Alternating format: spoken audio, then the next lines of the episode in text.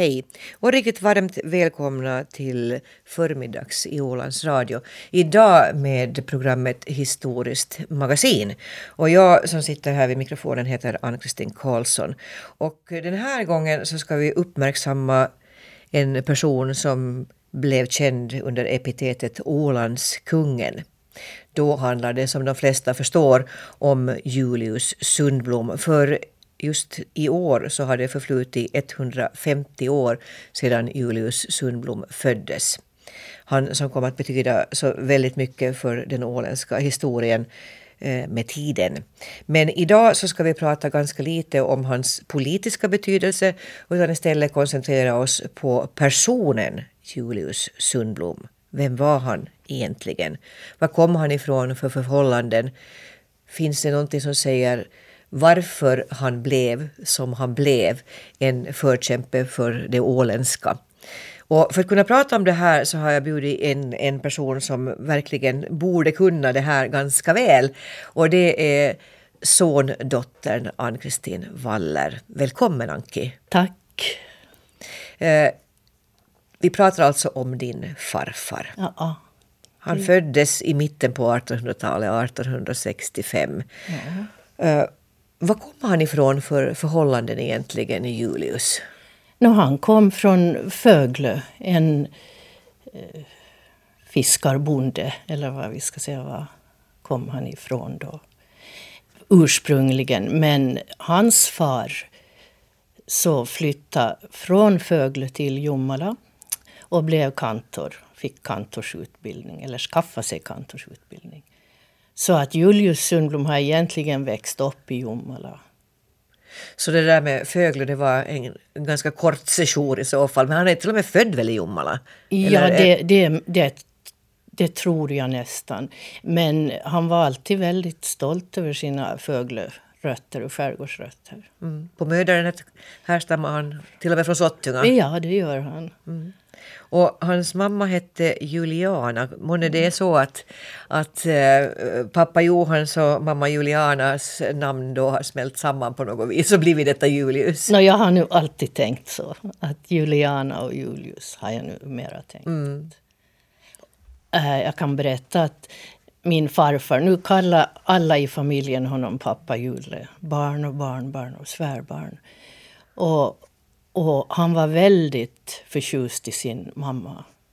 Att hon var en glad och god människa med mycket sång och lek i sig. Så att jag kan tänka mig att han var jätteglad över sitt namn. Mm.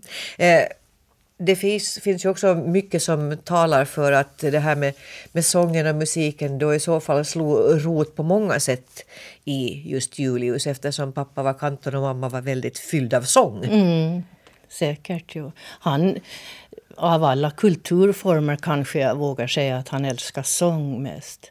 Och allsång. Och sångfesterna var hans verkliga paradis att, att vara med på. I synnerhet som han fick vara talare, vilket han ju var ofta sen. Mm. Och, och han ansåg då att sången var det som förde människor samman på ett väldigt bra sätt. Och så är det ju. Det finns väl inga som politiker idag, såna här despoter eller tyranner, vad jag ska kalla dem, är så rädda för som sånger, som diktare. Det tycker de inte om, för sånger sprider sig och binder samman människor. Mm. Men för Julius var det en viktig sak? Men det var en mycket viktig sak. Han, ja, det var hans riktiga hemvist när han fick delta i sångfester. Och jag vet, han var väldigt... Han var en... Vad jag har förstått så var han en väldigt omtyckt människa. Han kunde ta folk och jag vet en gång när jag intervjuade Annie Blomqvist när vi skrev, Angerd Steinby och jag skrev hennes biografi så berättade hon att, att när Julius Sundblom talade på sångfesterna så han talade så ofantligt vackert och gripande. Tårarna rann ner för hans kinder och för våra kinder. Och man förstod verkligen hur otroligt värdefullt det var att ha en hembygd som man älskar. Mm. Så att han fick fram såna budskap också genom tack vare sången och sångfester. Man kan använda eh, sångfester även som nästan lite politiska plattformar kan man säga. Såklart, jo, det görs ju mycket än idag. Det. Mm. Men ännu mer kanske idag, alla protestsånger och sånt. Men nu går vi kanske det händelserna ändå lite i mm. förväg. Eh, vad, vad, känner du mera till om, om Julius Sundbloms tidiga år? Ja, vet du, jag, jag känner kanske inte så hemskt mycket till hans tidigare år men jag känner till honom som på det att han till exempel det är lite roligt tycker jag. Han lärde sig aldrig cykla i sin ungdom och aldrig under hela sitt liv. Och han lärde sig inte heller knyta en slips knut. För det måste min pappa gå till honom och göra när han skulle ha en ny slipsknut.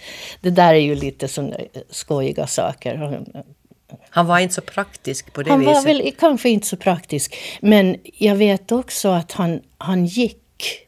Han promenerade ofantliga, eh, som jag tycker då, många kilometer. Som jag vet till exempel när hans syster Amanda hette hon. Hon bodde i Överby, tror jag, i Jomala. Och hennes man var fyrmästare på Märkets fyr. Och då fick pappa Julle, då, som var chefredaktör för tidningen Åland, så fick reda på att han hade dött ute på Märket. Det var men före och vinter. Han hade inte drunknat, men han hade dött i någon sjukdom. Och han gick ut till henne och för att berätta det här. Och så såg hon, när han kom, såg hon på honom och så sa hon hans syster då, Amanda, att nej, vad blåser det nu för vind sen kantorsjulle kommer gåendes? Och han sa att oj Amanda, att det blåser sorgens vind. Att din man har dött mm. ute på märket.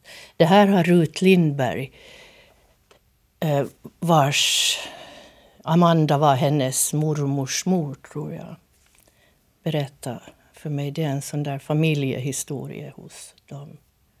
Och så att han gick väldigt mycket. Han gick till Kasberget i Jomala, han gick till Jomala kyrka. Han gick. Och hade antagligen tid att tänka en del. Eh, men hur, hur såg hans familj ut, förutom pappa Johan och, och mamma Juliana? Var det många barn i, i han hade, han hade tre bröder och uh, två systrar. Och, och den familjen, fick, fick alla barn leva till vuxen ålder? Jo, det gjorde de. Men, eh, men den ena av dem flyttade till Åbo och blev polis, tror jag. nästan. Och, och, den, och en av dem flyttade till Björneborg och blev apotekare. Men Julius stannade kvar här då. Hans syster blev som sagt bondmora och den andra systern som han hade så, så var var man väl då kalla kanske lite kanske lite barnslig. Att hon stannade kvar i föräldrahemmet Kantors i Jomala och bodde i övre våningen där. Och fick, eh, ja, där var det, tillbringade hon sina dagar. En väldigt snäll eh, tant som min pappa sen alltid for och hälsa på, eller då och då. Och i synnerhet till jul. Det här kan ju berätta lite om Julius familjeförhållanden, syskon, lite egensinnighet på något sätt. Så, och då ville hon ha snus. Men det, det skulle vara fint snus för det första och det skulle vara, ha dränkts med några droppar konjak. Och då var, for vi dit en gång, pappa och min äldre bror och jag. Och pappa hade det där snuset med sig. och, så, och så snusade hon då och blev riktigt nyter. Och så sa hon, hör du, det här är ingen fransk konjak. Här får du ta tillbaka och komma med en fransk konjak och snus. Och så var det. Pappa hade fuskat och satt något, lite, kanske jallovina eller någonting, jag vet inte. Så hon var lite kräsen Ja, och kan lite sådär. Inte, de, de var inte kuvade de här barnen på något sätt. Inte, Mm. Utan de hade sitt huvud för sig. Julius blev i alla fall lärare. Han bestämde Mm. sig i något sammanhang för att det var det han ville bli. Ja, Och eh, reste från Åland till seminariet i Nykarleby. ja. Eh, det var ju en resa som inte bara ledde till ett yrke, det ledde till ett äktenskap också. ja det gjorde det. Där träffade han sin Hilda. Ja. Hilda Olivia Fredenberg hette hon.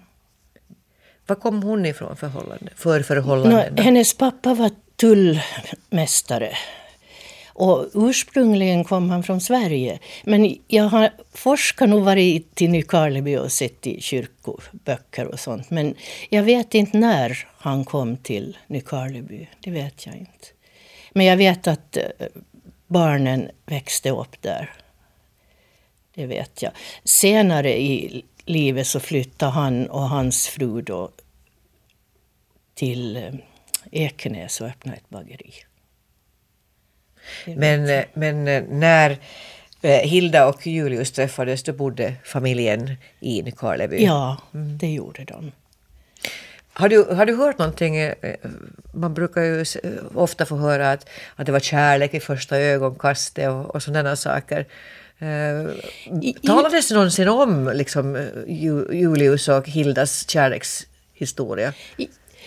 Ja, det talades lite om att de här seminaristerna hade, alltså de som gick då i seminariet, så hade någon bal. Och då inbjöd de några flick, läroverksflickor till den här balen. Jag kommer inte ihåg vem som berättade, men då lär min farfar och farmor ha träffats. Dansa tillsammans. Mm. Men mer vet jag inte om hur de träffades. Och, eller liksom hur deras kärlekssaga utspelar sig och när de förlovar sig och så. Jag brukar tänka, jag har studerat Nykarlebys karta från den tiden. Det finns någonting som liksom här heter Kärleksstigen. Eller något. Jag brukar tänka att ha, det var nog där de förlovade sig. När de gick? jo. Ja. Men när, när eh, Julius Sundblom blev färdig lärare, Mm. var det då en, en, en given sak att han skulle återvända till Åland eller hur var det? Jo, det var det nog. Han, han ville väldigt gärna... Det, det fanns ju egentligen inga skolor då på Åland, ingen skolplikt eller någonting sånt. Det fanns ju den där ambulatoriska, som den hette, skolan då. Bönderna i en socken då så hade skola var fyra veckor på, i turordning, fyra veckor på våren och fyra veckor på hösten. Men någon egentlig folkskola det kom ganska sent. Och han ville verkligen bli lärare för han ville att folk skulle lära sig läsa, bli upplysta och kunna delta och bygga upp en demokrati. Att de kunde tillgodogöra sig skrift och liksom vad som händer här och på olika ställen i världen. Men tror du att det här var sådana saker som, som han tänkte på redan innan han for till Nykarleby? Eller, eller väcktes liksom det här, den här tanken hos honom just det här med, med hur viktigt det är att, att kunna läsa och skriva och ta till sig information och, och eh, lära sig olika saker och, om demokrati och annat. Att det kom där först. det, anta, det måste väl ha funnits någon tanke att han ville bli lärare. Och vill man bli lärare så vill man ju lära ut saker. Men sen mognade det förstås och han insåg möjligheterna med en skola och att människor fick kunskap om demokrati och självbes eller att bestämma själva över sitt liv och sina öden och, och uttrycka sina önskemål och sånt.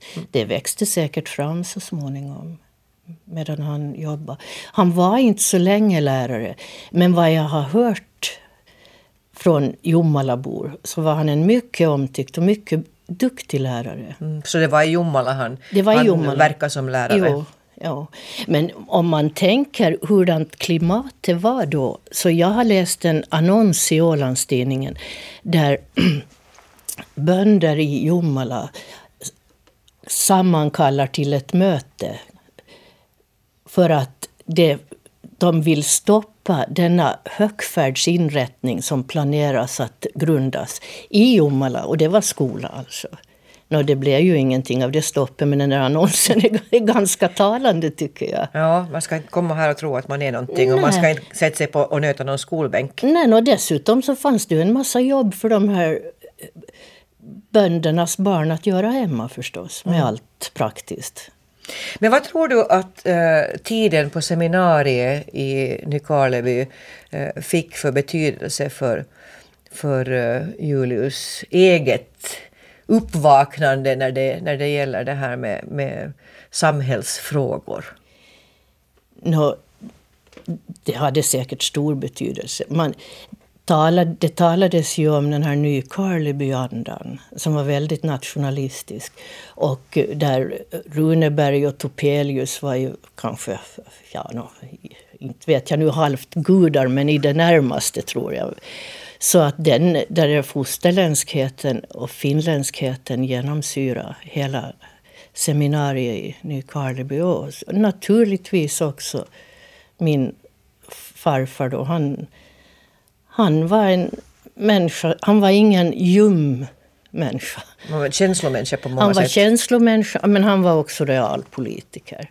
Han hade mycket visioner, men han hade förstod också liksom att fundera efter att vad, vad, vad, är, vad är värt att kämpa för? Vad, vad kan man vinna? Liksom? Är, det, är det möjligt att vinna den och den kampen? Mm. Det, det, har ju talats väldigt mycket om hans tvekan innan han med hull och hår gick in för den här Ålandsrörelsen. Han verkar ha varit en sån här antingen eller-person. Ja, det, det, tror jag att han var. Men den här tvekan, så för det första så tycker jag att den är ganska naturlig. Man ska inte, han, han kastar sig inte in i, i någonting som han inte visste. Innan man fattar ett jätteviktigt beslut så måste man ju fundera och tänka och vända och vrida och känna förstås. Och, och, det där har det skrivits mycket om. Folk har funderat varför han gjorde så och så. Otto Andersson har raljerat med honom lite och sånt där. De var ju antagonister. Och, men det som, som jag inte har sett någonstans så är eh, det är bara män som har skrivit det här, som jag har sett i alla fall. Men det som jag har tänkt så är att när man läser hans brev till, ja kanske inte så mycket hans brev, men hans frus, alltså mor Hildas brev till sin pappa. Så de, pappan och, och, och hon, Hilda, stod varandra väldigt nära. Hon frågade ofta, begärde hans råd i olika frågor. Hon hade inte så lätt liv. Jag menar, för, för min farfar var liksom allt annat än en ekonomisk man. Han hade inget sinne för affärer, så hon fick minsann kämpa hårt hon med att hyra ut rum hemma hos sig. Och allt som, som har glömts förstås i, i skuggan av honom. Då. Men, och då tänker jag att han, min farfar, enligt brev till henne, till hans fru, både innan de var gifta och efteråt, så han tyckte väldigt mycket om henne.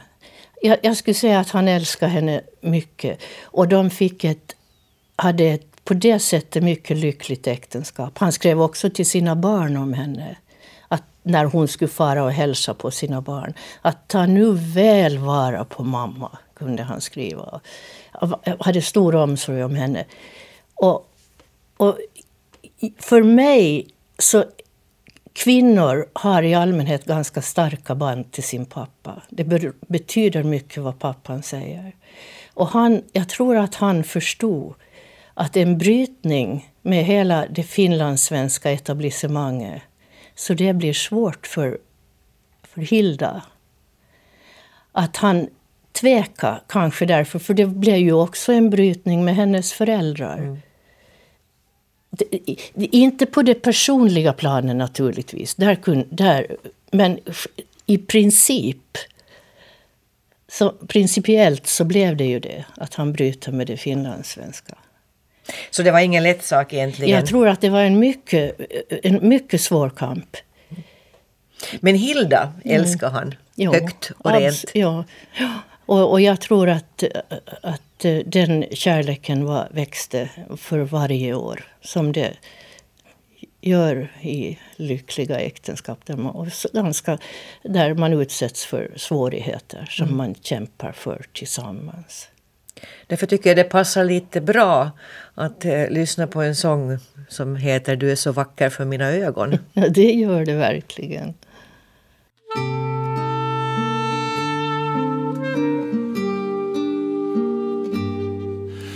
Är så vacker för mina ögon som tusen liljor upp på en kvist.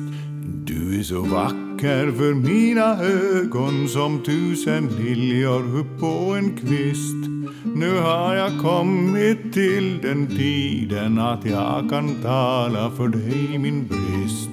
Nu har jag kommit till den tiden att jag kan tala för dig min brist.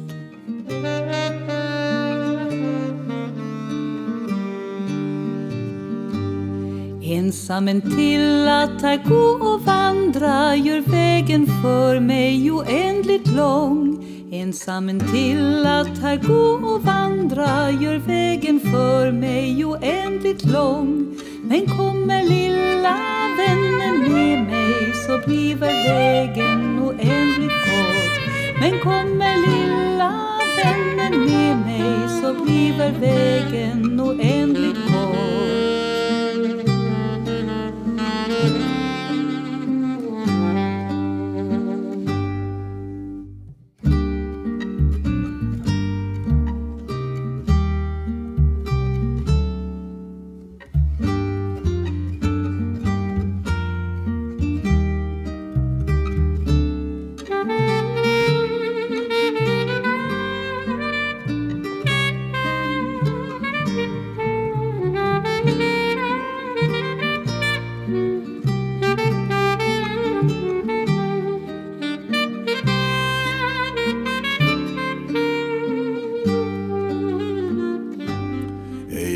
Ensam mer ska jag gå och vandra. Min hand jag lägger så fast i din. Ej ensam mer ska jag gå och vandra. Min hand jag lägger så fast i din. Så trofast går vi sen med varandra. Du blir min och min väg blir din. Så trofast går vi sen med varandra. Du blir min och min väg blir din.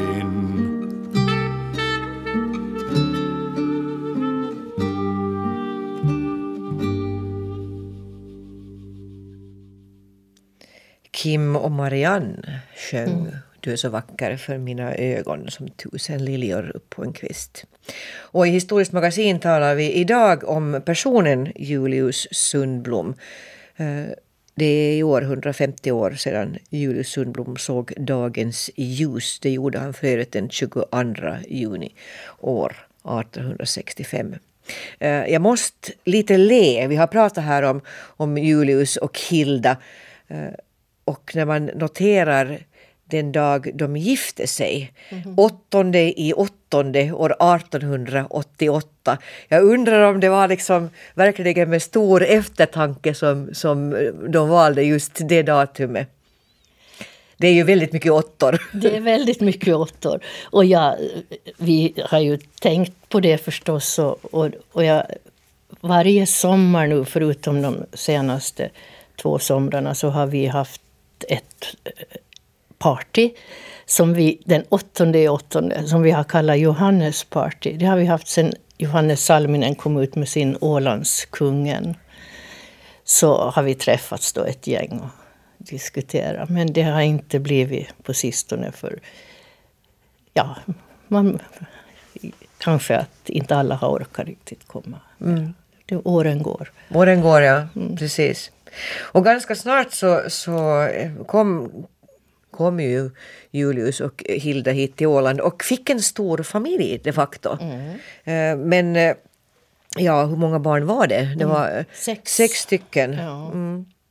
Och eh, den första Rafael Sundblom han föddes 1890 och din pappa som hette Bror han var sladdbarnet i familjen eh, som var född år 1910 så det, var, det var ganska stor åldersskillnad mellan den äldsta och den yngsta. Det var det. Eh, hur, ja, det var ju nästan så att, att alla barn inte ens bodde hemma samtidigt. Nej, det gjorde de knappast. Det tror jag inte. För att i varje fall så Rafael och Torvald då, så de båda så började studera i Ja, en del säger Åbo, en del säger Helsingfors. Rafael började studera juridik och blev jurkand då. Torvald studerade ekonomi. Och då var de ju inte hemma längre.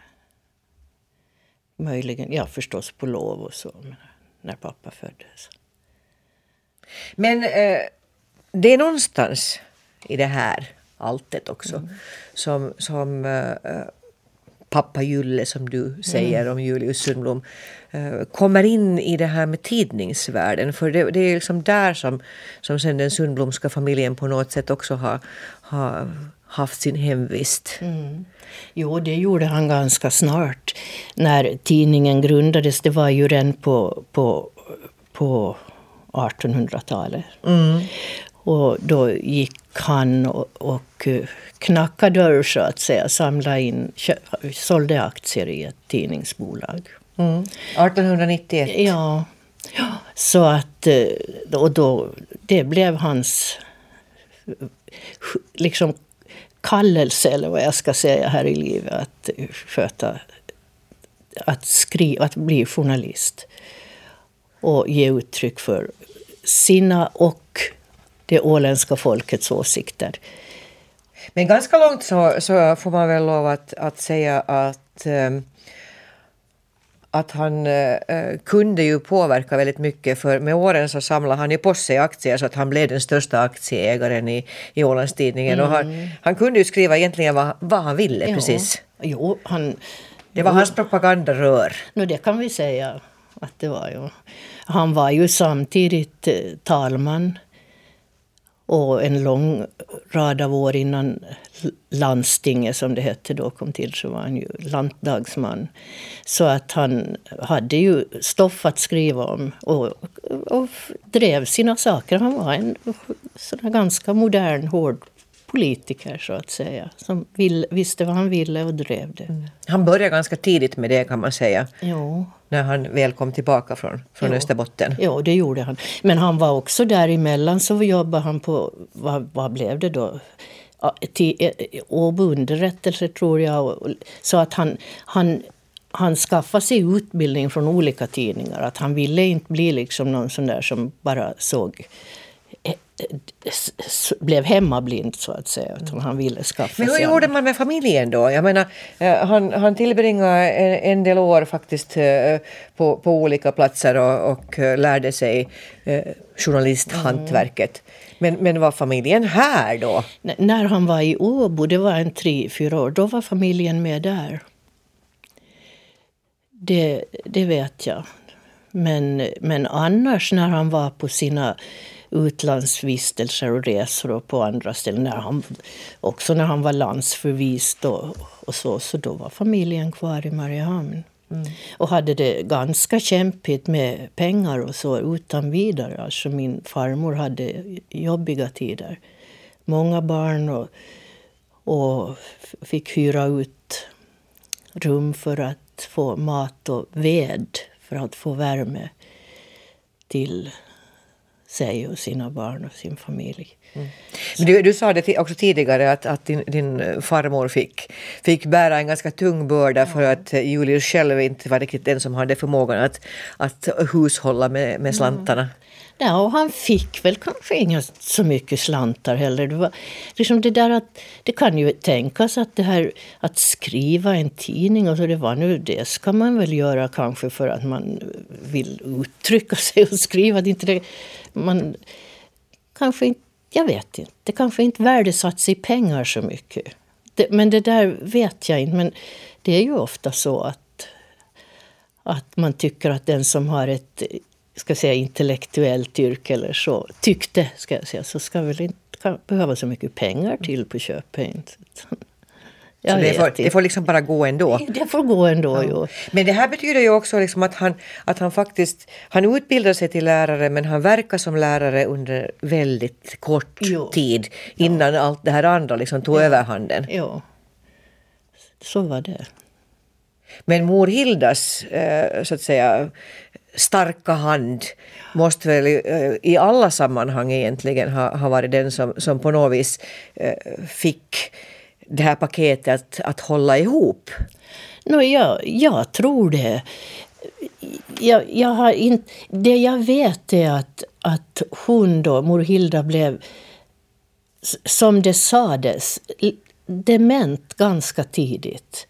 Men, men jag vet inte det heller med säkerhet. För att det är mycket sånt där att man skulle inte prata om sånt. Nej. Men jag har förstått, och sen har jag men det här, det, så, av brev att döma så tror jag att hon hade mycket svår migrän.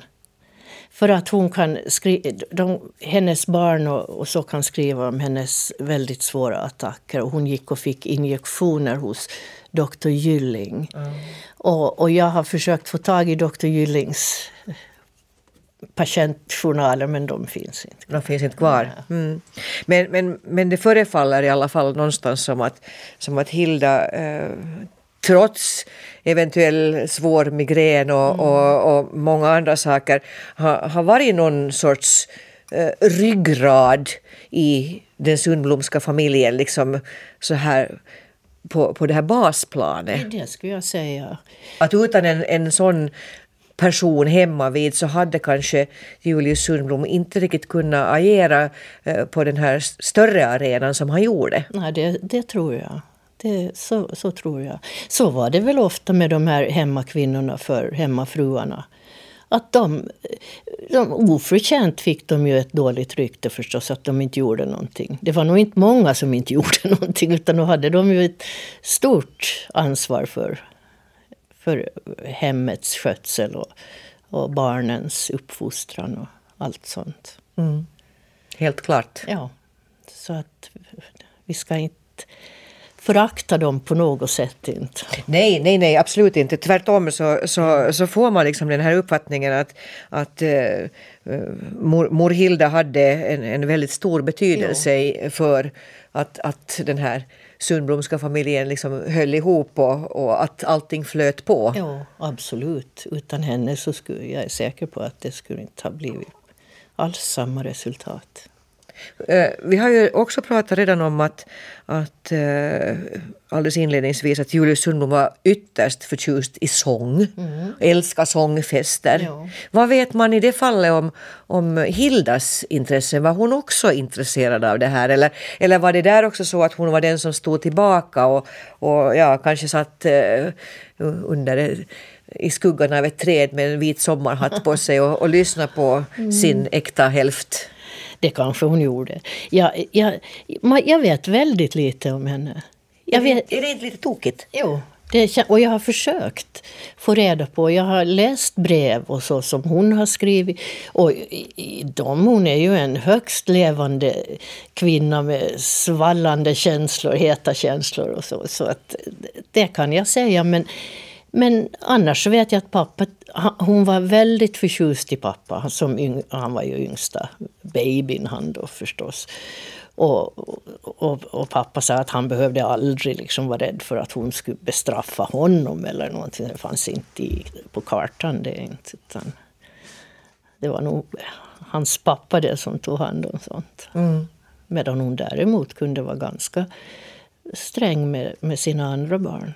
Men den minsta eh, slank förbi liksom ja. på något vis med, med allt sånt här ja. som kunde ja. ha varit besvärligt. Ja. Jag har, har hittat en gång ett häfte som hon hade skrivit lite, fört lite dagboksanteckningar. Och hon, eller inte riktigt dagboksanteckningar men alla utgifter som hon hade och, och, och inkomster som hon fick. Och, och, och sånt. Och det var ganska roligt. Hon kunde till exempel skriva att 50 penny eller vad det var till fattig gubbe. Och, och så allt, allt, allt förde hon noggrant bok om. Och också hade hon där lite kakrecept och sånt som hon skrev. Ganska roligt. Men annars så känner man väldigt lite till om henne. Det är som för så många andra kvinnor, hon stod i skuggan ja. av, av sin man och en man som i det här fallet blev liksom hela Ålands egendom om ja. man säger så. Ja, absolut. Och hon, jag vet inte, hon hade tror jag inte så väldigt mycket umgänge. Hon var väldigt religiös. Det vet jag. Och gick i, var ju inte, kyrkan fanns ju inte då när de var unga men vid Betania tror jag det var som var kyrkan då så att säga. Jag menar kyrkbyggnaden fanns inte. Men, så det vet jag, där hade hon väl sitt umgänge men annars hade hon inte så mycket. Medan hennes man då, pappa Julle var väldigt intresserad av Martaföreningen till exempel och understödde den på tusen sätt. Och förde fram, för han var väldigt kvinnotillvänd så att säga. Han talade ju varmt för kvinnlig rösträtt och sånt. Men hon var aldrig Marta, så vitt jag vet inte. Vad jag har sett på Martornas böcker och anteckningar. Mm.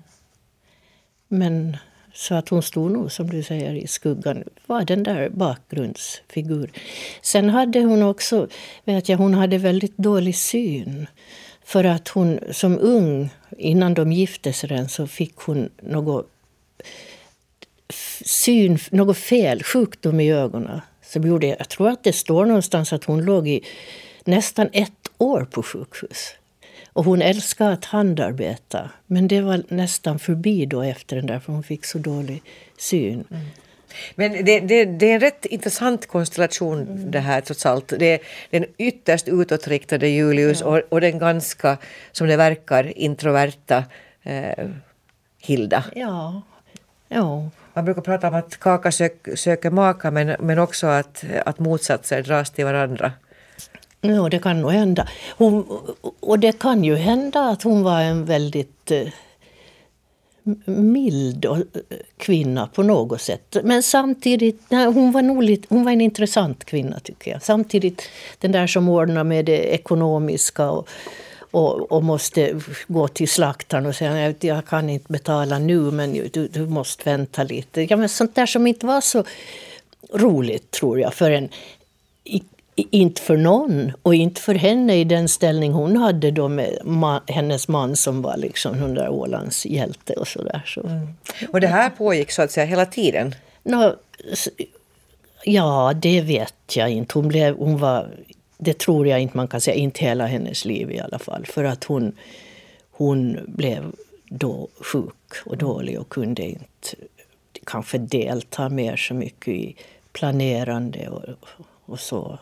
Men, men medan Julius äh, blev då Ålandskungen, mm. medan han, han uträttade sitt värv, sitt politiska värv, mm. så, så stod Hilda bakom och stötta och såg till att, att, äh, så att säga, familjen hölls flytande och, och, och allt det här andra. Absolut, ja.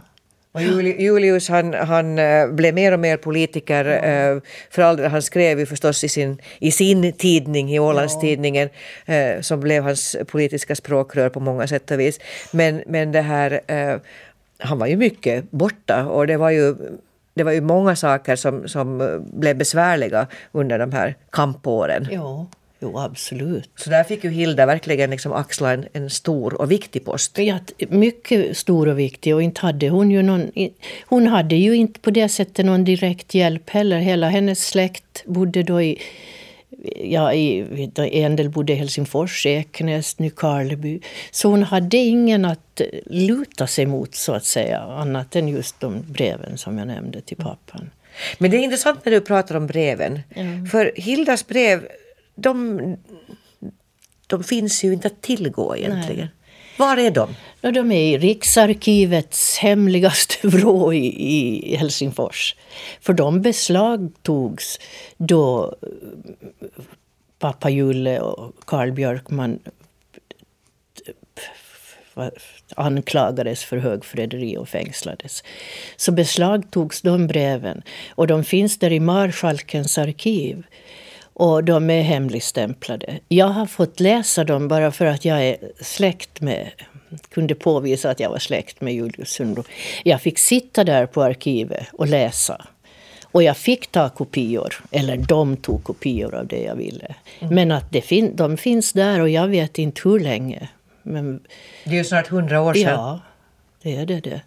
Så att eh, när de släpps, och alltså det, ja, som jag kunde se så var det ju inga hemligheter, statshemligheter på minsta sätt. Det var kärleksbrev, min farmors brev till honom som är väldigt eh, privata och eh, emotionella.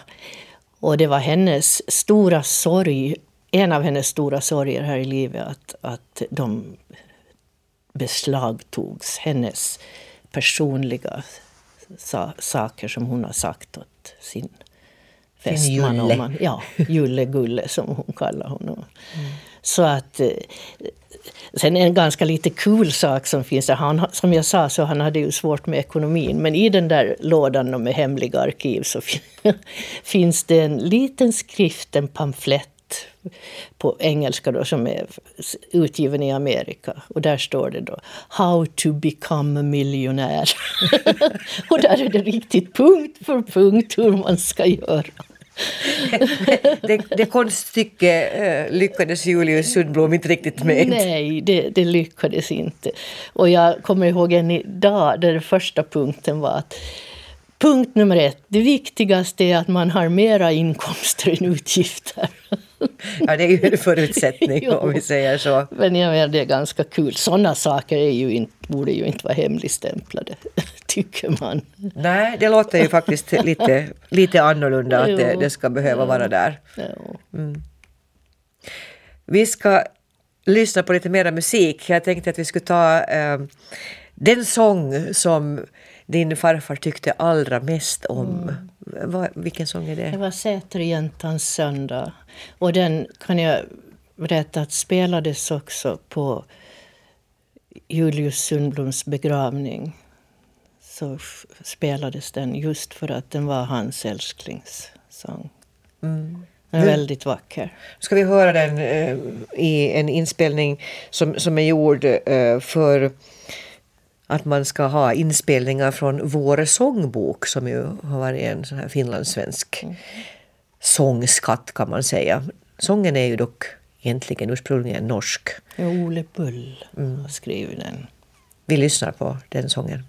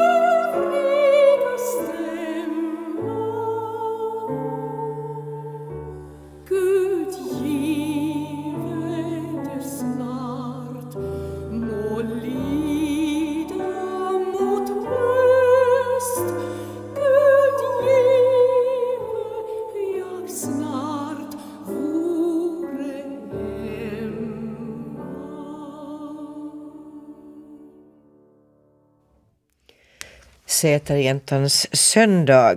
Julius Sundbloms absoluta favoritmelodi och sång som också spelades på hans begravning. Han dog 80 år gammal. Mm. Bara några månader efter att han hade fyllt 80 så gick han ur tiden. Mm. Och nu är det säkert många som har undrat, ja men hur kan man göra ett historiskt magasin och inte prata speciellt mycket om, om Julius Sundblom och hans betydelse för, för Åland och, och självstyrelsen och det ena och det andra. Jo, man kan, för det här är ett program som den här gången har en högst personlig karaktär. Vi tittar mera på personen Julius Sundblom. Ann-Kristin Waller, du som är Julius barnbarn, barn mm. till hans yngsta son.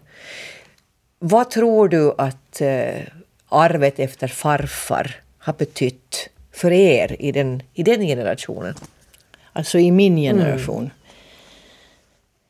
Ja, jag tror att det har betytt ganska mycket. För har man en, en farfar som, som är känd som Ålandskungen och det, och det är ett hedersnamn så att säga, så, så ställer det ju krav på på, på barn och barnbarn. Det kan vara så att det har ställt största kraven på oss, min, mina två bröder och mig. För min far var ju den som efterträdde sin far då på, som chefredaktör. På tidningen Åland? Ja, och, då, och det, han, han var en bra chefredaktör och han hade mycket känslor och allt sånt. Men han hade, tror jag, alltid den där känslan att han kunde inte mäta sig med sin far. Det, det kunde väl ingen. Och den där känslan tror jag att mina bröder också fick. Att de borde på något sätt efterträda sin far, på något sätt i alla fall bli som han och eh, ha Julius Sundblom som ledstjärna eller ideal. Det här låter som att det är lite på gott och på ont. Det är på gott och på ont, absolut. För att det, det är klart att om man har en sån där lite press på sig så kanske man inte kan utvecklas på, ett, på det sätt som man kanske har störst fallenhet för och kanske vill.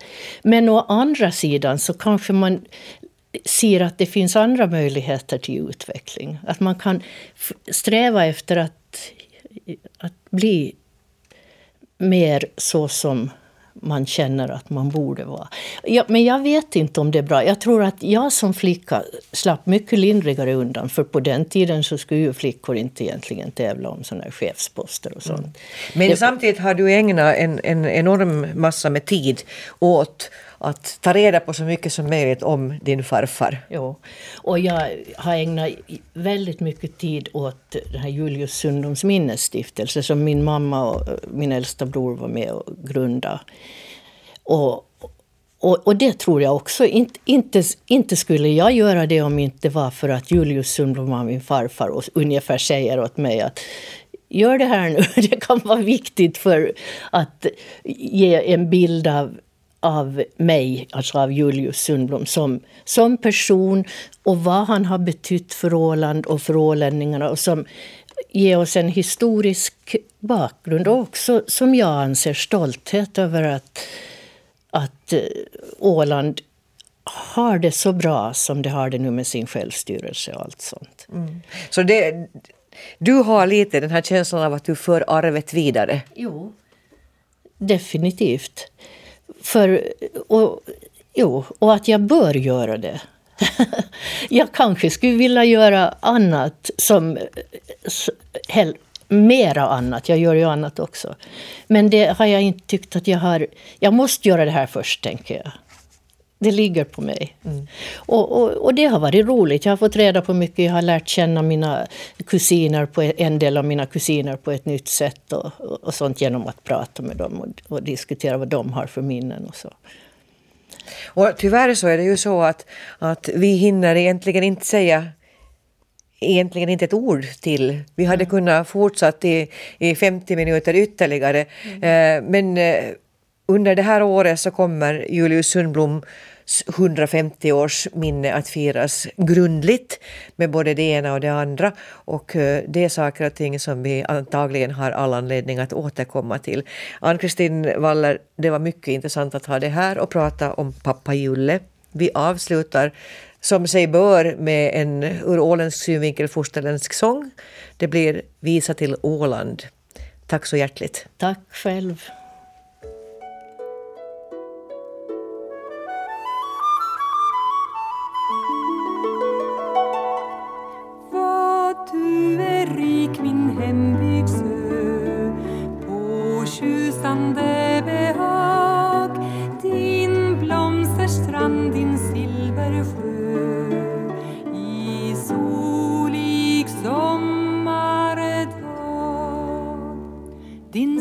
Din skog, din lund med fågelsång